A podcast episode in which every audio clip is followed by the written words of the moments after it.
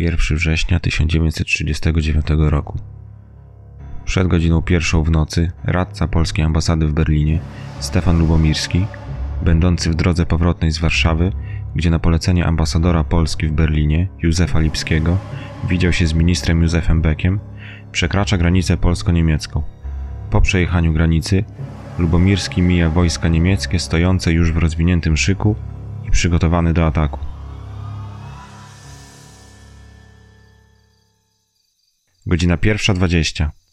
W przygranicznej miejscowości Jeziorki w Wielkopolsce, pełniący tam służbę na posterunku granicznym żołnierze plutonu wzmocnienia Straży Granicznej, słyszą głuchy wybuch pocisku artyleryjskiego.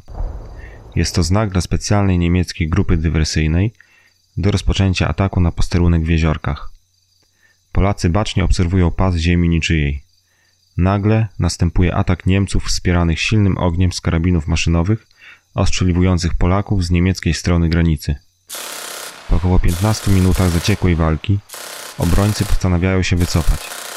Na posterunku pozostaje jedynie obsługujący KM kapral Piotr Konieczka.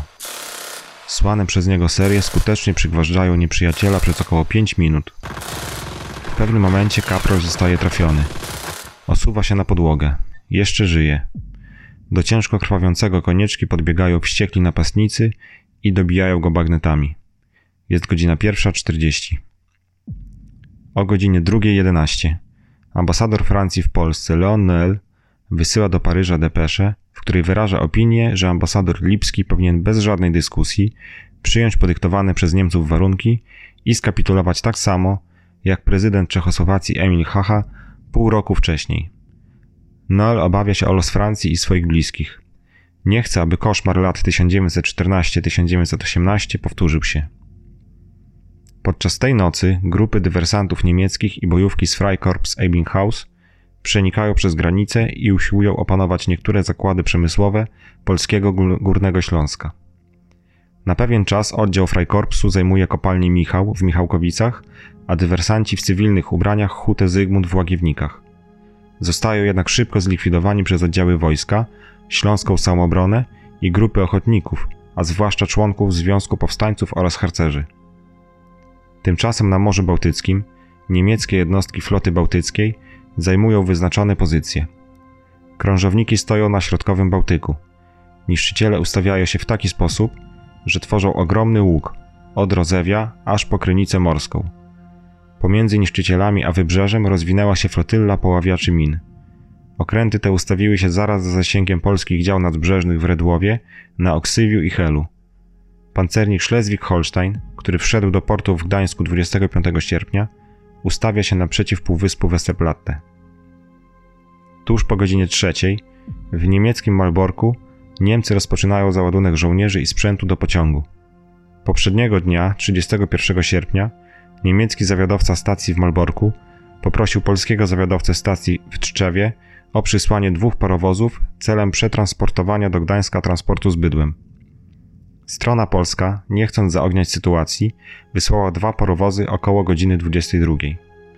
Po przyjeździe do Malborka polscy kolejarze zostają obezwładnieni, a Niemcy przebierają się w ich mundury.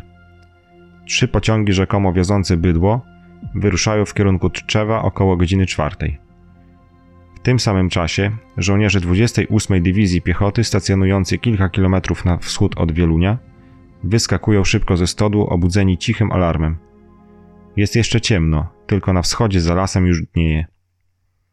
Tymczasem od oficera łącznikowego przy oddziałach Straży Granicznej znajdujących się w rejonie Muławy wpływa meldunek.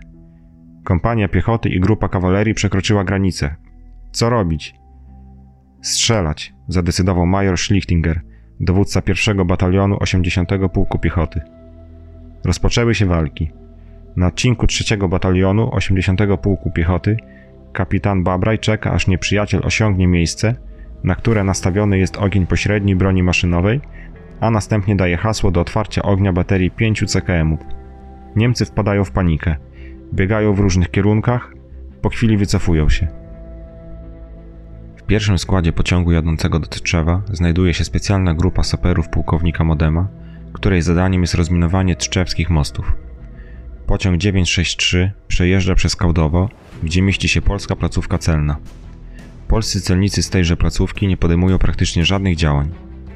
Następnie między godziną 4.20 a 4.30 pociąg wjeżdża na stację Szymankowo, gdzie polscy inspektorzy celni, nieformalnie funkcjonariusze polskiego wywiadu Straży Granicznej oraz kolejarze odkrywają prawdziwy ładunek tego składu pociągu i wystrzeliwują racę, która ma ostrzec polskich saperów na moście w Tczewie o nadchodzącym niebezpieczeństwie.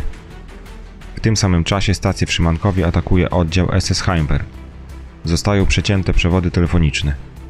O godzinie 4.30 dyżurny ruchu w Trzewie Jan Ernst nie może już się połączyć z Szymankowem. Niemcy po wystrzeleniu racy przez polskich celników wpadają we wściekłość i mordują wszystkich Polaków. Pięciu inspektorów celnych, porucznika polskiego wywiadu o pseudonimie Kordian oraz polskich kolejarzy, razem 21 osób. Przez całą noc z za lasu położonego po niemieckiej stronie granicy na zachód od miejscowości Mokra na Śląsku słychać było odgłosy setki silników. Po polskiej stronie panowała cisza i spokój. O godzinie 4.30 głośne wybuchy na granicy stawiają na nogi wszystkich polskich obrońców. Na niebie pojawiają się także niemieckie samoloty. Godzina 4.34. Niemiecka trzecia eskadra pierwszego pułku bombowców turkowych porucznika Bruno Dileya nadlatuje z Elbląga nad Tczep i zrzuca bomby na dworzec i nasyp kolejowy, gdzie miały znajdować się przewody odpalające ładunki na mostach oraz na elektrownie i koszary wojskowe, gdzie zginęło pięciu żołnierzy. Nalot trwa 10 minut. Godzina 4.40. Żołnierze 28 Dywizji Piechoty z Podwielunia myją się przy studniach, kiedy nagle od zachodu podnoszą się grzmoty, jakby nadchodzącej burzy. Żaden z nich nie waży się jeszcze pomyśleć, że to zaczęła się wojna. Rozpoczęło się właśnie bombardowanie Wielunia, miasta, w którym nie ma ani jednego żołnierza. Obecny w mieście ordynator miejscowego szpitala, dr Zygmunt Patryn, wstaje z łóżka zerwany hukiem samolotów. Po chwili słyszy przeraźliwy świst i następnie wybuch bomby na terenie ogrodu szpitalnego. Patryn mieszka w budynku gospodarczym na terenie szpitala. Szybko wybiega przed budynek, który po uderzeniu bomby zaczyna się walić. Przed budynkiem spotyka kilka płaczących sióstr szpitalnych. Każe im biec do ogrodu i położyć się na ziemię. Kładzie się obok nich. Leżąc na ziemi słyszy krzyki i jęki z zawalonego budynku gospodarczego, gdzie zostały przywalone gruzem pracownice kuchni, które od wczesnych godzin rannych przygotowywały tam śniadanie. 4 km od Wielunia w Gaszynie stacjonuje trzecia kompania CKM 36 Pułku Legii Akademickiej. W jednej chwili rozstawione zostają na stojakach przeciwlotniczych wszystkie 12 CKM-ów. Po skierowaniu lów ku górze otwierają ogień. Relacja świadka Józefa Antoniaka. Widziałem rozpadający się w gruzy najstarszy i najładniejszy kościół wieluński, Farę. Słyszałem jęki setek rannych, widziałem zabitych. Panika, ucieczka. Relacja Mieczysława Kowalskiego, lekarza ze szpitala w Sieradzu, do którego zwożono rannych z Wielunia. Przywożono ciężko rannych, którzy nie otrzymali do tego czasu żadnej opieki medycznej, gdyż szpital wieluński został zburzony i spalony. Rany i oparzenia były potworne. Widzieliśmy je pierwszy raz. Nigdy nie przypuszczaliśmy, że bomba lotnicza działająca siłą podmuchu i dużymi odłamkami powoduje podobne uszkodzenia.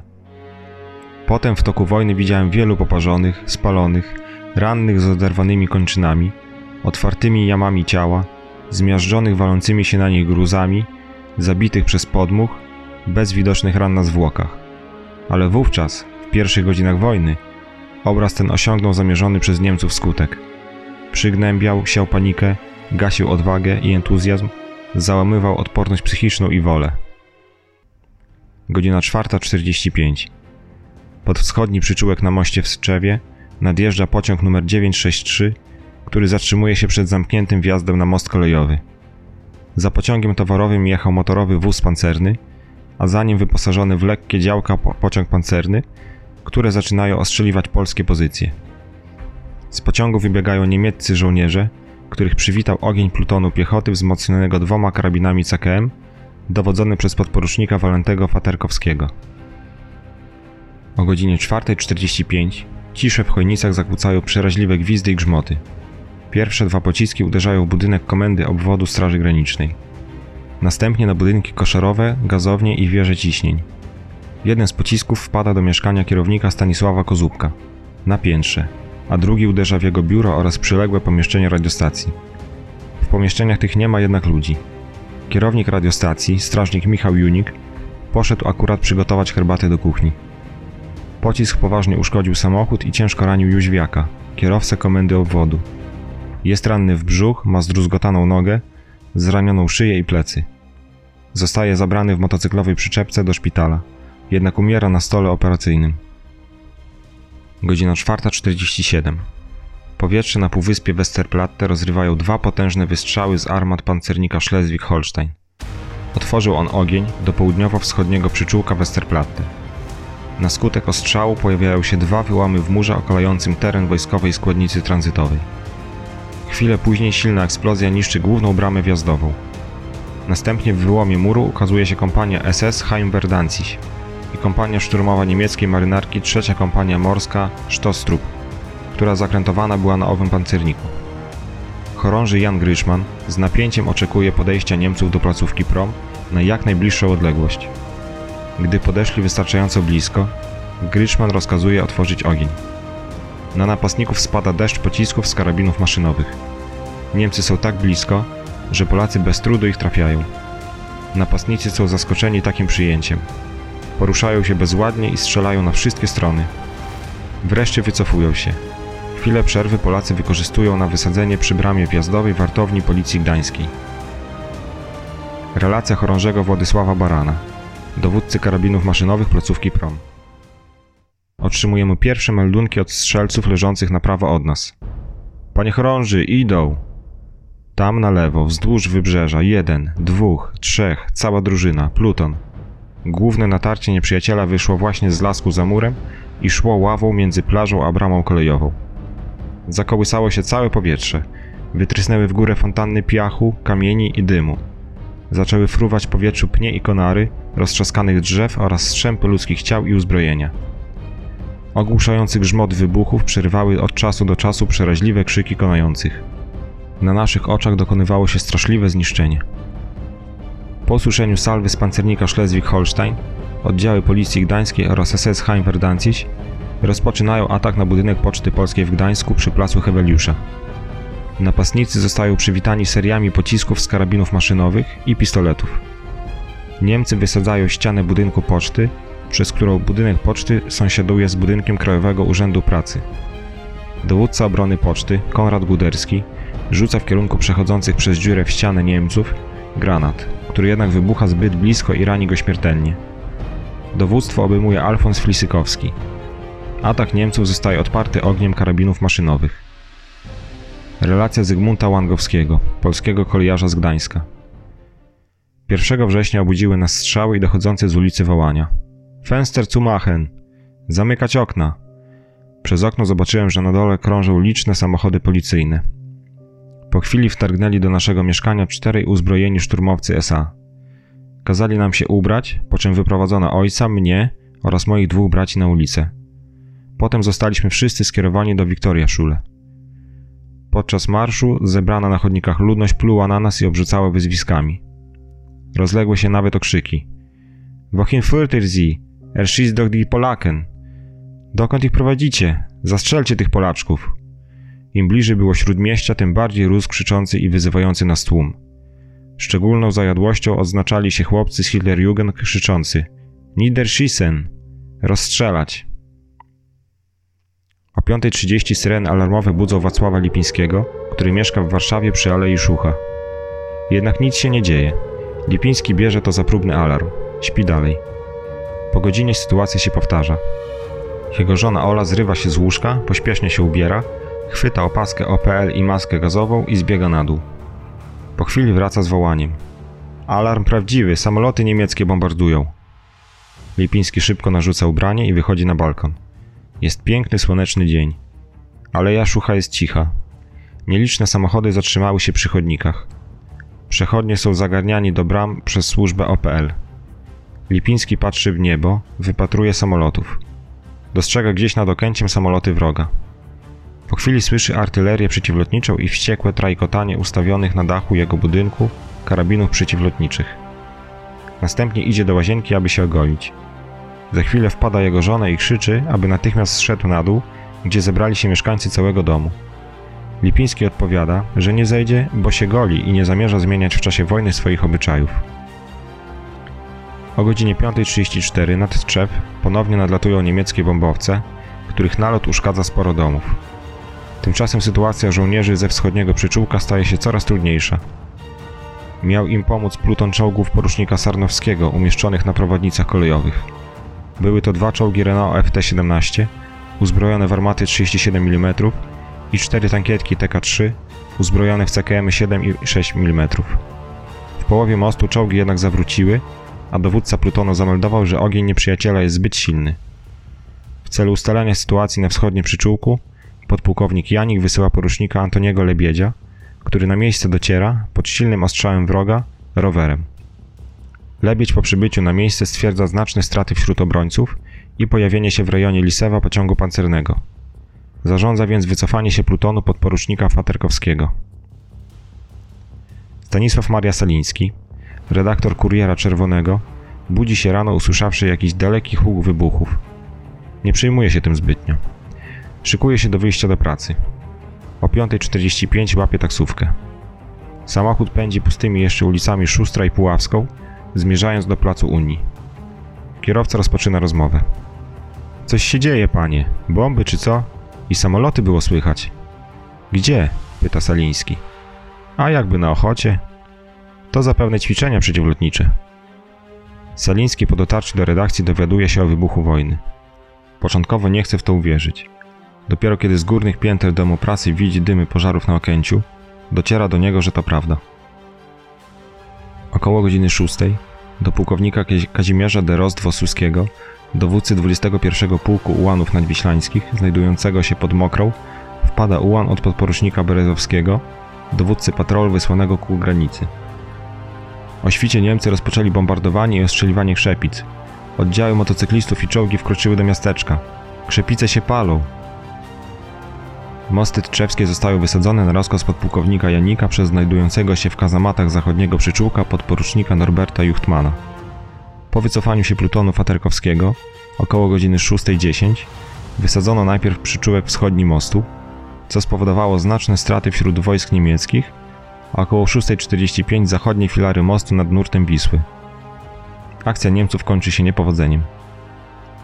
Tymczasem na Westerplatte jedyne trzycalowe działo załogi rozpoczyna ostrzał gniazd ogniowych nieprzyjaciela w Nowym Porcie. Po oddaniu 28 wystrzałów polskie działo zostaje zniszczone. Schleswig-Holstein podpływa na wysokość zakrętu pięciu gwizdków i z odległości 400-600 metrów ostrzeliwuje umocnienia półwyspu. Godzina 6.30. W warszawskiej rozgłośni Polskiego Radia Zbigniew Świętochowski, dyżurny speaker stacji Warszawa 1, odbiera telefoniczny rozkaz dowództwa obrony przeciwlotniczej Warszawy – po czym odkłada słuchawkę. Od razu łączy się z dowództwem ponownie, w celu sprawdzenia, czy rozkaz nie pochodzi z fałszywego źródła. Po tej weryfikacji zrywa plombę przy specjalnej szafie, w której znajduje się płyta z sygnałem alarmowym. Po chwili w głośnikach warszawskich odbiorników wybrzmiewa wycie syreny, a następnie głos Kazimierza Tylli, nagrany na płytę.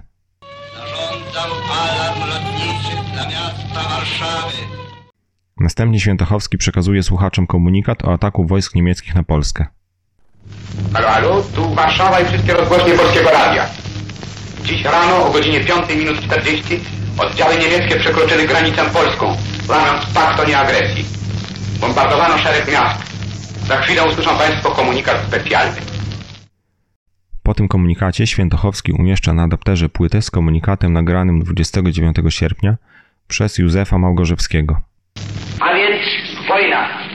Z dniem dzisiejszym wszelkie sprawy i zagadnienia schodzą na plan dalszy. Całe nasze życie publiczne i prywatne przestawiamy na specjalne tory. Weszliśmy w okres wojny. Cały wysiłek narodu musi iść w jednym kierunku. Wszyscy jesteśmy żołnierzami. Musimy myśleć tylko o jednym. Walka aż do zwycięstwa. Monika Żeromska, córka wybitnego pisarza Stefana Żeromskiego, przebywająca w Konstancinie pod Warszawą, Wstaje rano i zachwyca się pięknym porankiem. Ogarnia ją myśl, że obawy, które miała przed zaśnięciem, dotyczące dalszego rozwoju wypadków na arenie międzynarodowej, są w tym momencie tak nieprawdziwe i przesadzone. Stojąc na balkonie domu, w którym przebywa, ogląda manewry samolotów poruszających się po niebie gdzieś w oddali, na dużej wysokości. Nie jest to dla niej coś nadzwyczajnego. Obserwowała to już kilkakrotnie w dniach poprzednich. Samoloty przemieszczają się po niebie jak malutkie krzyżyki. Od ich poszyć odbijają się blaskiem promienie słoneczne.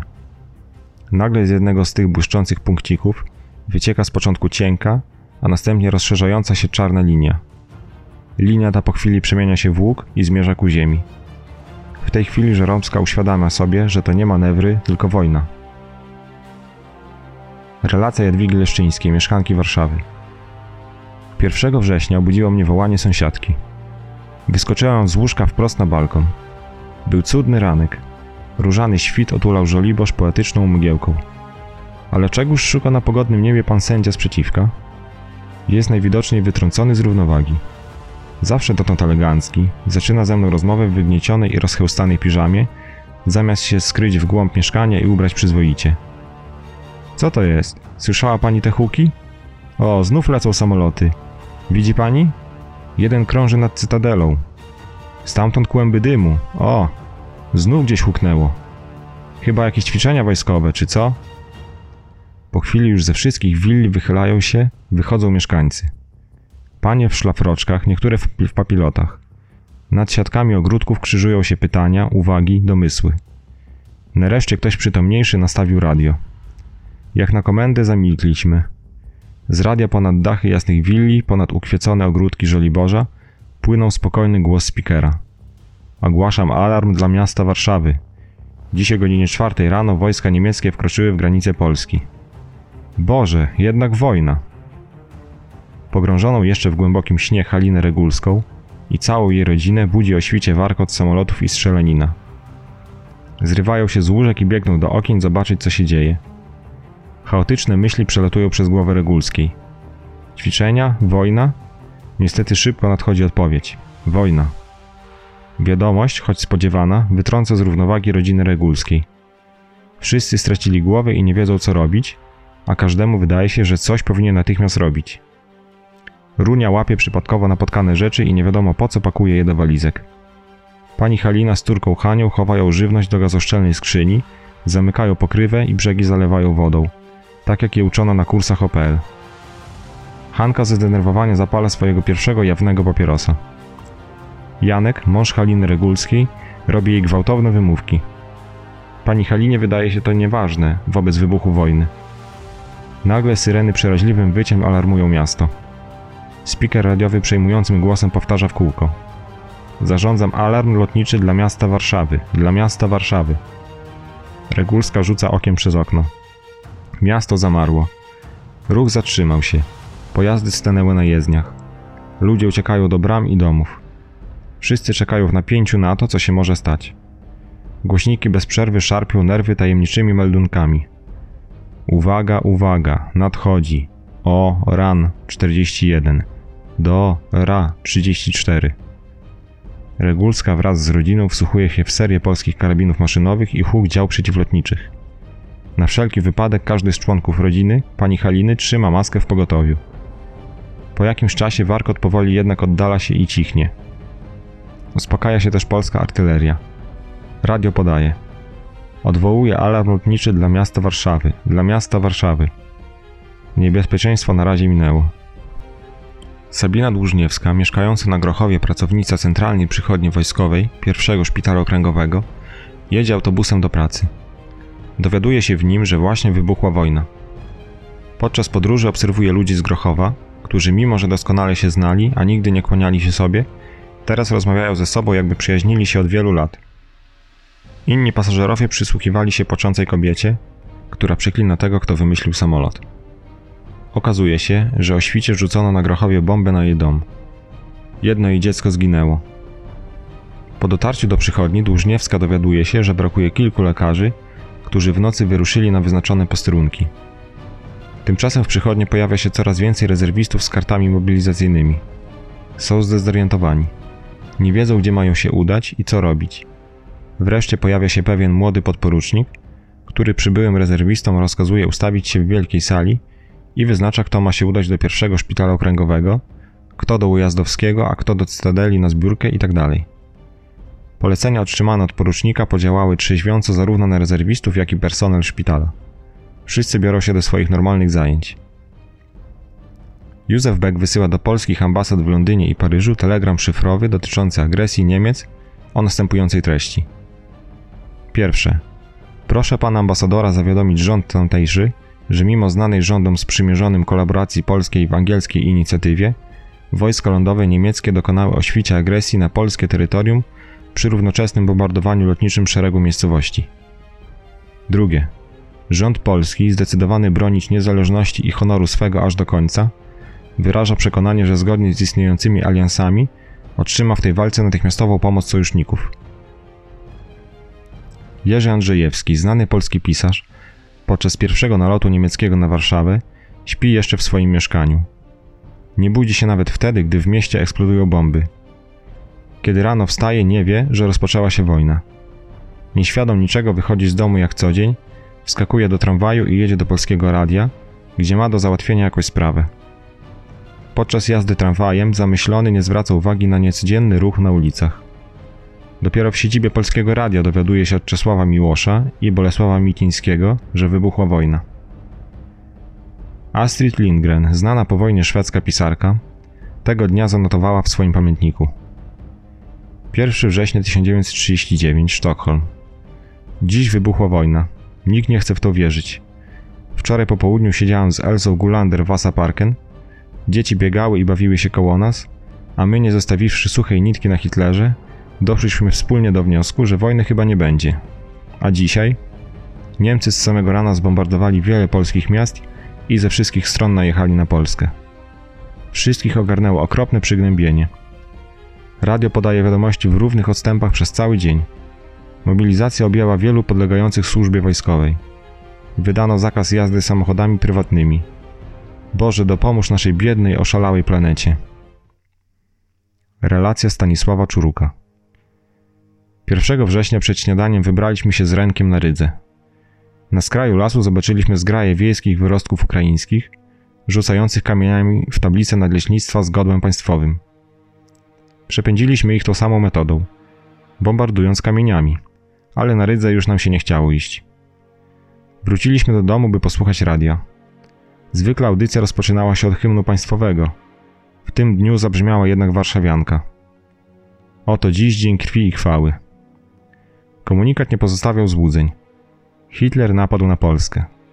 Musiałem dostać się do domu, do Lwowa, ale nie było to łatwe. Pociągi zarezerwowano jedynie dla celów wojskowych. Zabrałem się z doliny z żydowskimi kupcami jadącymi samochodem do Stryja, ratującymi pomarańcze, które zostały przez wojsko wyrzucone z pociągu jako niepotrzebny balast. Na rynku w Stryju byłem świadkiem złapania przez Żydów niemieckiego szpiega. Nie wiem, czy był to szpieg prawdziwy, czy może lipny, ale krzyku było przy tym co niemiara. Ze Stryja do Lwowa dojechałem pod wieczór autobusem. Na stryjskiej rogatce zobaczyłem zaporę z kozłów i drutów kolczastych. Dowiedziałem się, że Lwów był bombardowany i że jest ponad 60 zabitych.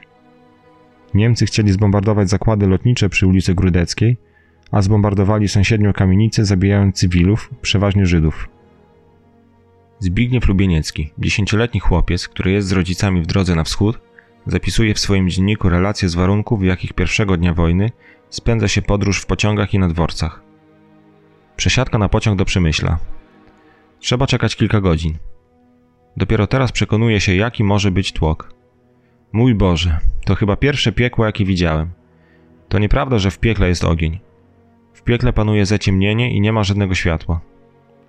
Porwany falą ludzi idę, a raczej pędzę gdzieś na ślepo, jak cała ta ludzka masa. Ktoś spazmatycznie nawołuje jakąś Tereskę, ktoś woła do mamy, cioci. Nad tłumem krzyżują się setki imion, słów oderwanych, co niby ptaki wyrywają się ponad ogólny, zlewający się w jeden odgłos krzyk tłumu. Wreszcie zatrzymuję się u wejścia do tunelu, mocno trzymam się bariery, aby dalej nie iść. Staje przede mną jakiś wojskowy, twarz znajoma. Ty jesteś Lubieniecki? Kiwam głową. Bierze mnie na rękę i przeciwstawiając się naporowi tłumu, niesie w kierunku, z którego przyszedłem. Już z daleka woła do matki, że mnie znalazł. Dostaliśmy się do pociągu. Zaczyna świtać. Na przystankach pociąg oblegany jest przez tysiące uchodźców. Niewielu jest takich, którym udaje się dostać bodaj na stopnie. Cały czas wyglądam przez okno. Inny tu krajobraz. Ot nie ma po prostu na czym oprzeć wzroku. Dzień budzi się jakiś mglisty. Naraz w przedziale podnosi się ogromny wrzask w żydowsko-polskim żargonie. To jakaś gruba Żydówka domaga się zwrotu walizki.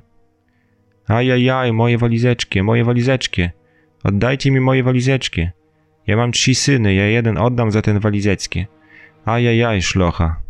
No ja oddam drugi syn i trzeci też. Niech oni idą wojować. Tylko dajcie mi moje walizeczkie. To i temu podobne wykrzykuje w pełnym zwierzęcej rozpaczy głosem.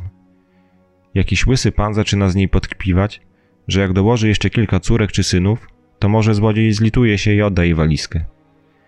Jej krzyki rozlegają się jeszcze dość długo, dopóty, dopóki nie zasnęła zapatrzona we własne nieszczęście. Żydówka śpi na ramieniu jakiegoś zasuszonego staruszka w złotych binoklach. Wygląda przy niej jak maszynista koło parowozu i ma bardzo nieszczęśliwą minę. Ludzie uśmiechają się na ten widok. Docieramy do Jarosławia, gdzie stoimy około godziny. Sporo ludzi tu wysiada, ale jeszcze więcej wsiada. Nie ma możliwości wyjścia do toalety, ponieważ, podobnie jak korytarze i przejścia między wagonami, aż do sufitu jest zapchana bagażami i ludźmi. Pociąg rusza powoli przez miasto i nie nabrawszy szybkości, staje na przedmieściu zatrzymany wyciem syren. Nalot.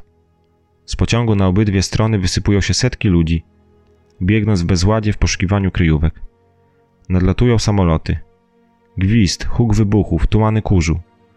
W powietrzu latają bryły ziemi. Krzaki, drzewa, części wagonów. Pociąg płonie, a samoloty wciąż pikują, trajkocą długie serie z karabinów maszynowych. Jęki rannych, swąd, krzyki. Nalot trwał zaledwie około 20 minut, a nam wydawało się, że wieki całe. Potem samoloty odlatują, następ, następuje cisza. Spaliło się pół pociągu. Kilkadziesiąt osób zostało zabitych, dwa razy tyle rannych. Kolejarze odczepili płonącą część pociągu, załadowano rannych i dzięki temu, że parowóz nie został uszkodzony, ruszyliśmy dalej. W Paryżu o godzinie 9 ambasador Łukasiewicz interweniuje u ministra Boneta, domagając się, aby Francja wypowiedziała wojnę Niemcom. Minister Bonnet wyjaśnia, że do wypowiedzenia wojny konieczna jest decyzja parlamentu, który zbierze się jutro. Krótko po tej rozmowie na posiedzenie zbiera się rząd francuski. Podjęto wówczas decyzję o ogłoszeniu mobilizacji powszechnej. Jej pierwszym dniem ma być 2 września. Podczas pierwszego natarcia pod Opatowem, na zachód od miejscowości Mokra, niemieckie czołgi zostały przywitane ogniem działek przeciwpancernych, zamaskowanych różnic i pociskami trzech baterii konnych. Niemcy tracą 10 czołgów i wycofują się do Opatowa. Wśród ułanów wybucha żywiołowa radość. O godzinie 10 ze strony Wilkowiecka uderza kolejna fala czołgów wspierana ogniem artylerii z Iwanowic. Główne uderzenie wroga idzie na bezleśny pas ziemi na wprost miejscowości Mokra 3. Czwarty szwadron 21 Pułku Ułanów obecny w tym miejscu przyjmuje atak silnym ogniem. Baterie dywizjonu konnego celnym ogniem wspierają pierwszą linię. W kulminacyjnym punkcie walk nadjeżdża od północy pociąg pancerny nr 53 Śmiały, patrolujący odcinek linii kolejowej między Kłobuckiem i stacją Miedzno. Z rejonu wiaduktu ze swoich czterech dział, dwóch haubic 100 mm i dwóch armat 75 mm wspiera polskich obrońców z czwartego szwadronu. Atak niemiecki znów zostaje odparty. Na polu walki zostaje kilka dymiących niemieckich czołgów. Ich załogi zostają wzięte do niewoli. O godzinie 10 w Londynie Lord Halifax przyjmuje ambasadora Raczyńskiego. Na oświadczenie ambasadora Raczyńskiego, że nastąpił akt agresji przewidziany artykułem pierwszym układu, Halifax odpowiada jednym zdaniem. Nie mam co do tego najmniejszych wątpliwości. Od samego rana niemiecka artyleria ostrzeliwuje Grudziądz i pozycje polskie nad Ossą. Widoczność utrudnia gęsta mgła, wśród której niemieckie czołgi przekraczają granicę, kierując się na Rogoźno-Zamek i na pozycję pod Grudziądzem.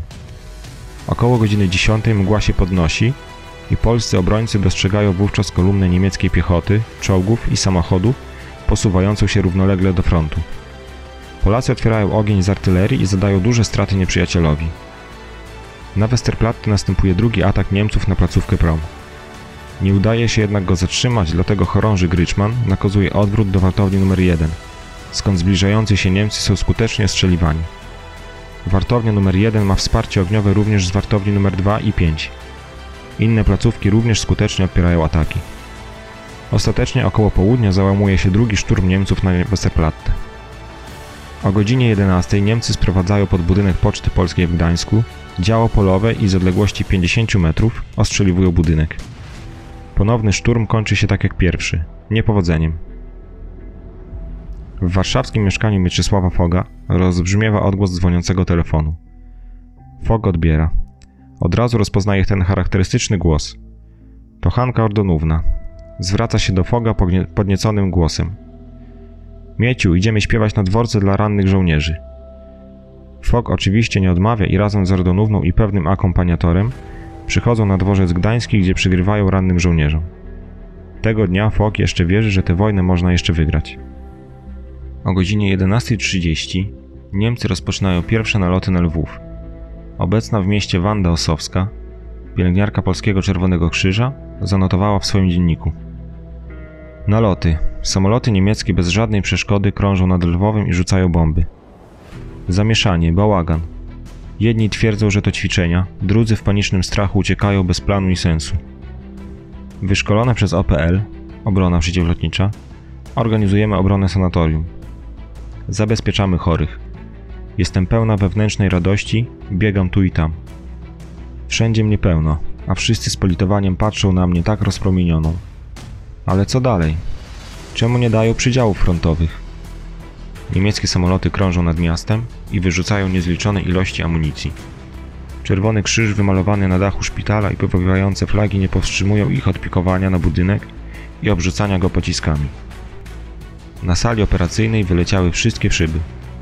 Pył, gruz i szkło zasypały stół operacyjny, narzędzia i personel. Ranny z postrzałem w brzuch jest nie do uratowania. Obnażone jelita są szare od kurzu. Czym je myć?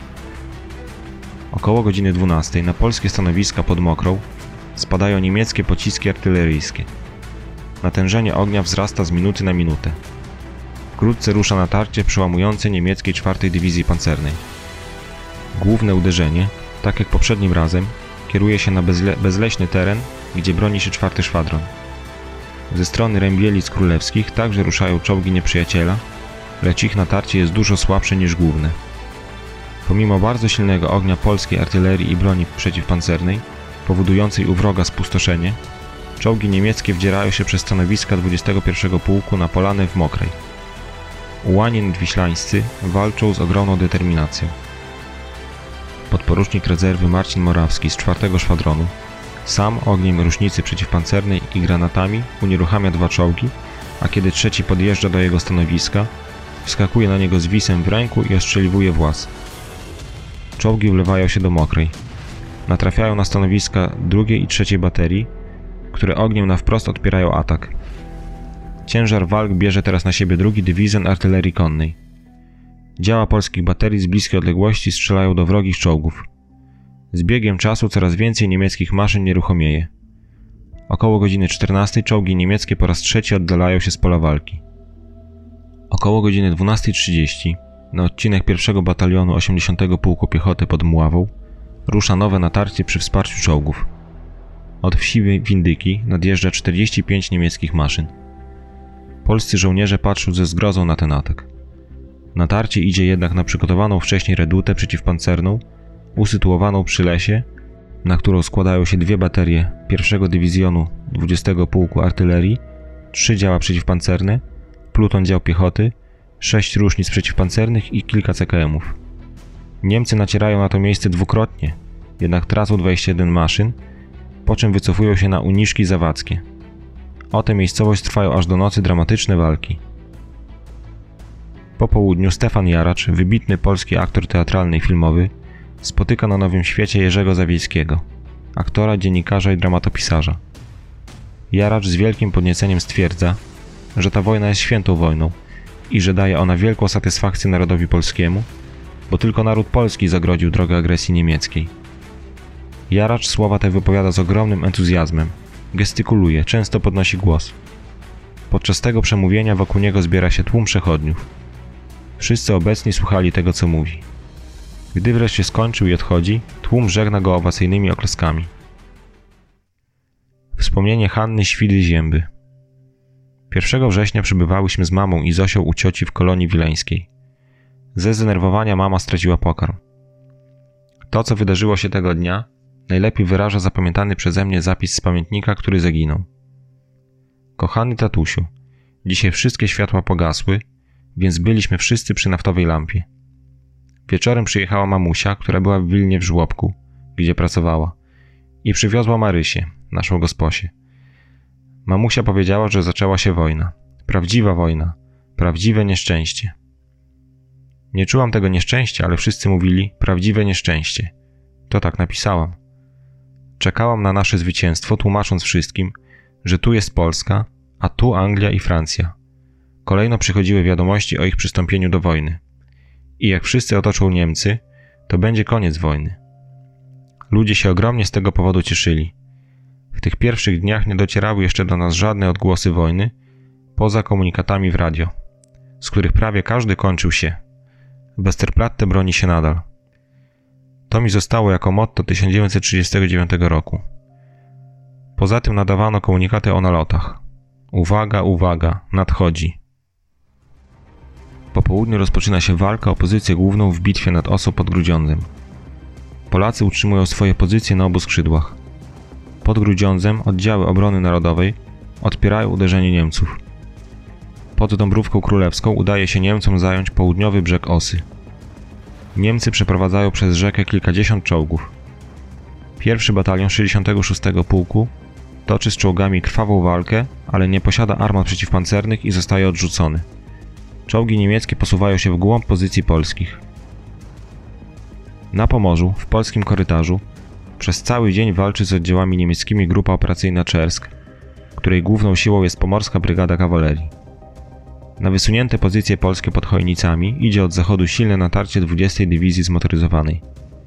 Chojnice są zacięcie bronione przez pierwszy batalion strzelców podpułkownika Gustawa Zacnego. Na północnym skrzydle pozycję zajmuje 85. Batalion Piechoty Obrony Narodowej. Około godziny 14 oddziały te otrzymują rozkaz odwrotu za Brdem. Spod Moszczenicy natarcie niemieckie wypiera szwadrony 18 Pułku Ułanów. Ułani pomorscy walczą teraz na linii kolejowej Chojnice-Nakło. Generał Grzymot-Skotnicki nakazuje zatem wykonanie kontruderzenia, aby ułatwić piechocie odwrót. Pułkownik Mastalerz postanawia uderzyć na północne skrzydło nieprzyjaciela, obchodząc go poprzez obszar leśny Rytla. Szwadron tankietek otrzymuje rozkaz związania nieprzyjaciela walką na szosie. Anonimowa relacja mieszkanki Warszawy. Na mieście ruch szalony. Wszędzie ogonki. Już daje się odczuwać brak mąki, cukru, kaszy. Największy popyt jest na środki opatrunkowe. Ludzie nie wiedzą jak się ratować, czym się ratować. Po południu znowu nalot. Teraz dla wszystkich staje się jasne, że chociaż nie jesteśmy na froncie, to front jest nad nami. Wojna toczy się nad naszymi głowami. Jesteśmy igraszką dla wroga, bezbronnym stadem, które można z góry obsypywać deszczem bomb i pocisków. O godzinie 15 na rozkaz generała Eberharta pod budynek Poczty Polskiej w Gdańsku zostaje sprowadzone działo ciężkie. Pocztowcy otrzymują dwie godziny na podjęcie decyzji o kapitulacji. W tym czasie Niemcy wykonują podkop pod ścianą poczty od strony Urzędu Pracy i umieszczają tam ładunek wybuchowy. Relacja Wacława Lipińskiego. Po południu miał miejsce ogromny nalot lotniczy. Całe eskadry krążyły nad miastem. Artyleria przeciwlotnicza szalała. Niebo pokryło się czarnymi bukietami wybuchających pocisków, których czerwone rózgi chyżo biegły ku górze. Ale samoloty szły na tak znacznej wysokości i artylerzyści byli tak zemocjonowani i przejęci, że ani jeden samolot nie dostał. Pociski przeważnie były za krótkie. Wściekające się zaś karabiny maszynowe na tę odległość nie mogły oczywiście nic zrobić. Między godziną 15 a 15.30 wychodzi czwarte już natarcie czołgów niemieckich pod Mokrą wsparte siłami 12 Pułku Grenadierów i 12 Pułku Piechoty z 31 Dywizji Piechoty.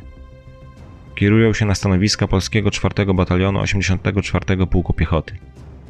Sześć baterii niemieckich razi Polaków morderczym ogniem. Czołgi przebijają się także z kierunku Rębielic, uderzając na stanowisko pierwszej baterii w rejonie Mokrej 2. Bateria ta podejmuje walkę. Traci jedno działo, jednak przed nią po chwili widnieje sześć wraków niemieckich. Tymczasem główne uderzenie kieruje się w utworzony wcześniej wyłom w liniach obronnych Polaków i wjeżdża na polanę. 12 Pułk Ułanów Podolskich odpiera atak. Cztery działka przeciwpancerne i 14 różnic ciągle strzelają do czołgów z najbliższej odległości. Jednak masa czołgów opanowuje polany i wjeżdża do lasu. Do walki wchodzi drugi pułk strzelców konnych podpułkownika Mularczyka. Szwadrony strzelców konnych zasilają linię obronną. Siła ognia przeciwpancernego podwaja się. W rejonie leśniczówki pluton przeciwpancerny starszego wachmistrza Jana Bonieckiego powstrzymuje atak czołgów. Wśród załóg czołgów rażonych teraz z każdej strony działkami przeciwpancernymi Polaków wybucha panika. Niemieckie maszyny w kurzu i dymie zawracają i wycofują się, wpadając na czołgi drugiego rzutu. Kolejne fale niemieckiego ataku w całym tym zamieszaniu biorą wycofujących się Niemców za Polaków i otwierają do nich ogień. Około godziny 16 następuje ogólny odwrót Niemców. O 17 saperzy wysadzają ścianę gmachu Poczty Polskiej w Gdańsku. Jednocześnie we fronton gmachu uderza ogień dwóch dział. Cały budynek, drży. Kruszą się ściany, pękają sufity. Pojawia się wszechobecny dym i kurz. Tymczasem na Bałtyku jednostki floty nawodnej otrzymują rozkaz postawienia zagrody minowej w Zatoce Puckiej. W tym celu na ORP Gryf załadowanych zostaje na redzie w Jastarni 290 min. W tym samym czasie przeznaczony do ubezpieczenia tej akcji ORP Wicher oczekuje w Zatoce Puckiej aż nadejdzie noc. Okręty podwodne, które wypłynęły z portów w Gdyni i Helu, zajmują swoje sektory wachlarzem wzdłuż morskiego brzegu Mierzei Helskiej. Okręt podwodny Orzeł zanurzył się w akwenie Zatoki Gdańskiej. O 18 Niemcy podjeżdżają motopompami i wpompowują nimi benzynę do piwnic gmachu Poczty Polskiej w Gdańsku. Następnie zapalają ją przy użyciu miotaczy płomieni. Żywcem spalonych zostaje pięciu pocztowców. W tym samym czasie, na dwóch trzecich odległości z Gdyni do Helu, polskie okręty nawodne zostały zaatakowane przez bombowce nurkowe. Wskutek wybuchu bomby w bezpośrednim sąsiedztwie Gryfa, uszkodzeniu uległ jego ster elektryczny, znaczne straty poniosła też załoga.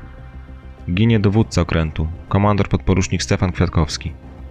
Jego zastępca, kapitan Wiktor Łomidze, podejmuje decyzję o wyrzuceniu w morze całego zapasu nieuzbrojonych min. Uszkodzeniu ulega minowiec Mewa. Akcja stawiania zagrody minowej zostaje odwołana. Do końca dnia trwa niemiecki ostrzał Westerplatte z pancernika Schleswig-Holstein i artylerii oraz moździerzy. Przed zmierzchem wychodzi ostatnie natarcie tego dnia, które tak jak poprzednie kończy się niepowodzeniem. O 19 ranni i poparzeni obrońcy Poczty Polskiej w Gdańsku kapitulują. Dyrektor okręgu pocztowego w Gdańsku, dr Jan Michoń, opuszcza budynek z białą flagą w ręku. Mimo to Michoń zostaje zabity. Wychodzący za nim Józef Wąsik zostaje spalony żywcem przy użyciu miotacza płomieni. Relacja Augustyna Młyńskiego, jednego z pracowników Poczty Polskiej w Gdańsku. Walka była bardzo zacięta. Do godziny 12 padł tylko jeden z kolegów. Wtedy Niemcy przerwali ogień usłyszeliśmy ich wezwanie przez tuby. Kameraden, ergebt euch, euch passiert nicht. Towarzysze, poddajcie się, nic wam się nie stanie. Do godziny 14 nastąpiła przerwa, podczas której kolega, Alfons Flisykowski, nas zwołał i zapytał, czy chcemy się poddać. Wszyscy byliśmy zgodni, by walczyć dalej. Po godzinie 14 nastąpił gwałtowny ostrzał. Pociski artyleryjskie raziły nas coraz mocniej. Koledzy, nie mogąc się utrzymać na górnych piętrach, zeszli do piwnicy. Była godzina 19.30 i żadna odsiecz nie nadchodziła. Tymczasem Niemcy oblali nasz gmach jakimś płynem zapalającym, a nawet wsuwali w okna piwniczne broń i strzelali. Było strasznie. Obrońcy stali stłoczeni w korytarzu piwnicy, gdzie panował krzyk i płacz. W ten czas dopiero postanowiliśmy się poddać. Około godziny 19, na wschód od Gruty pod Grudziądzem, niemieckie maszyny natykają się na stanowiska ogniowe artylerii. Dochodzi do półgodzinnej walki pierwszej i trzeciej baterii 16 Pułku Artylerii. Dzięki postawie artylerzystów i drugiego batalionu 64 Pułku Piechoty udaje się powstrzymać natarcie czołgów. O tej samej porze pierwszy dywizjon 18 Pułku Ułanów majora Maleckiego wychodzi na skrzydło posuwającej się kolumny niemieckiej. W rzadkim lesie na wschód od Krojant oddział konnicy przyjmuje szyk luźny i rusza w galopie do szarży. Jeszcze w lesie otrzymują ogień maszynowy nieprzyjaciela. Padają zabici i ranni, ale szarża mimo to nabiera pełnego rozmachu. Po chwili dołącza do niej drugi szwadron rotmistrza Ładosia. Ława jeźdźców cwałem wychodzi na otwarte pole, błyskają ostrza szabel.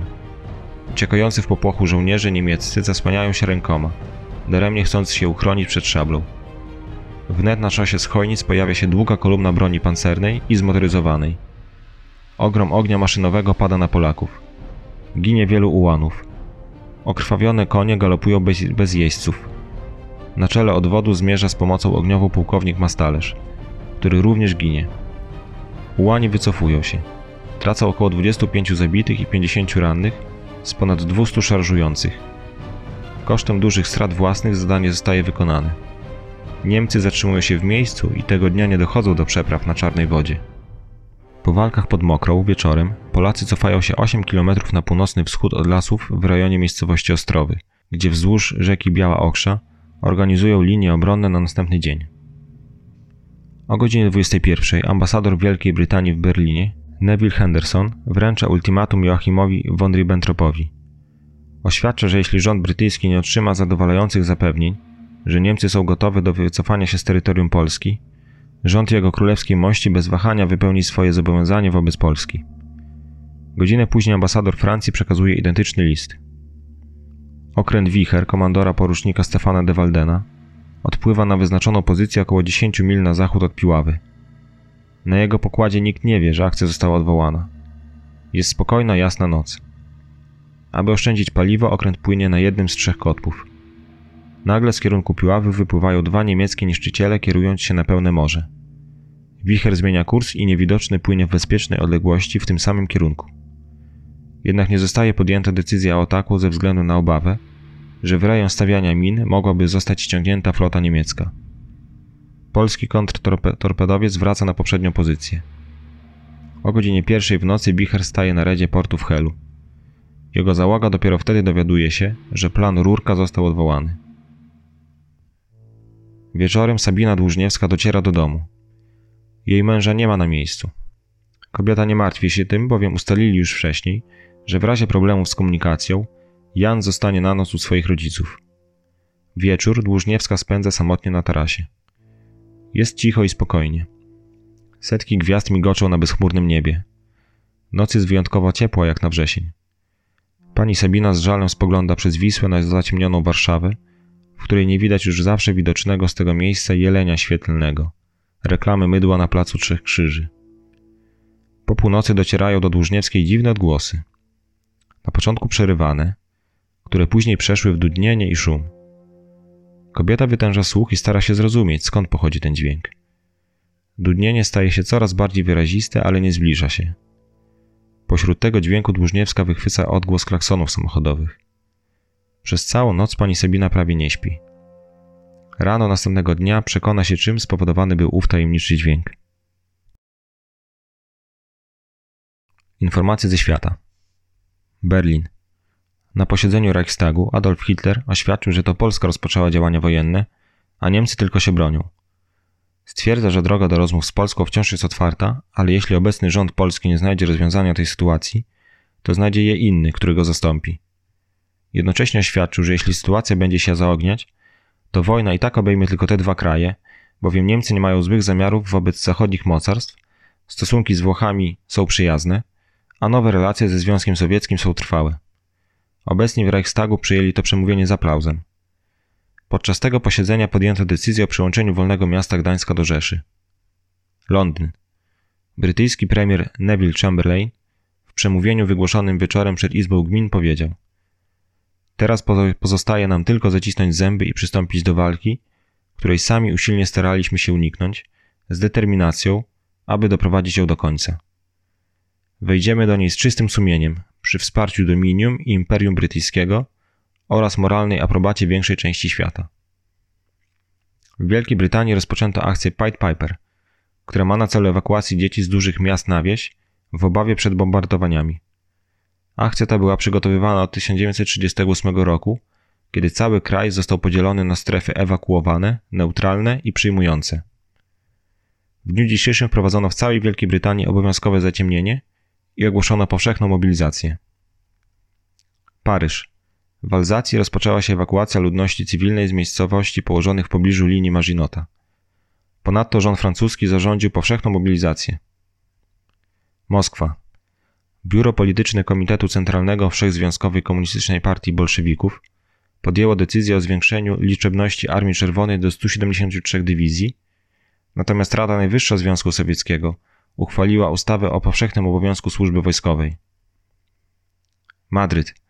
Generał Francisco Franco odmówił ratyfikacji hiszpańsko-niemieckiej umowy kulturalnej, która otwierałaby drogę wpływom nazistowskim w Hiszpanii.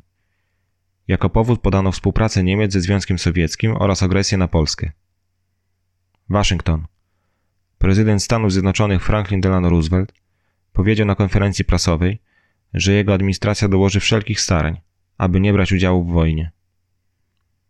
Szwecja, Norwegia i Finlandia odrzuciły propozycję Niemiec zawarcia paktu o nieagresji, po czym ogłosiły neutralność. To samo uczyniła również Szwajcaria.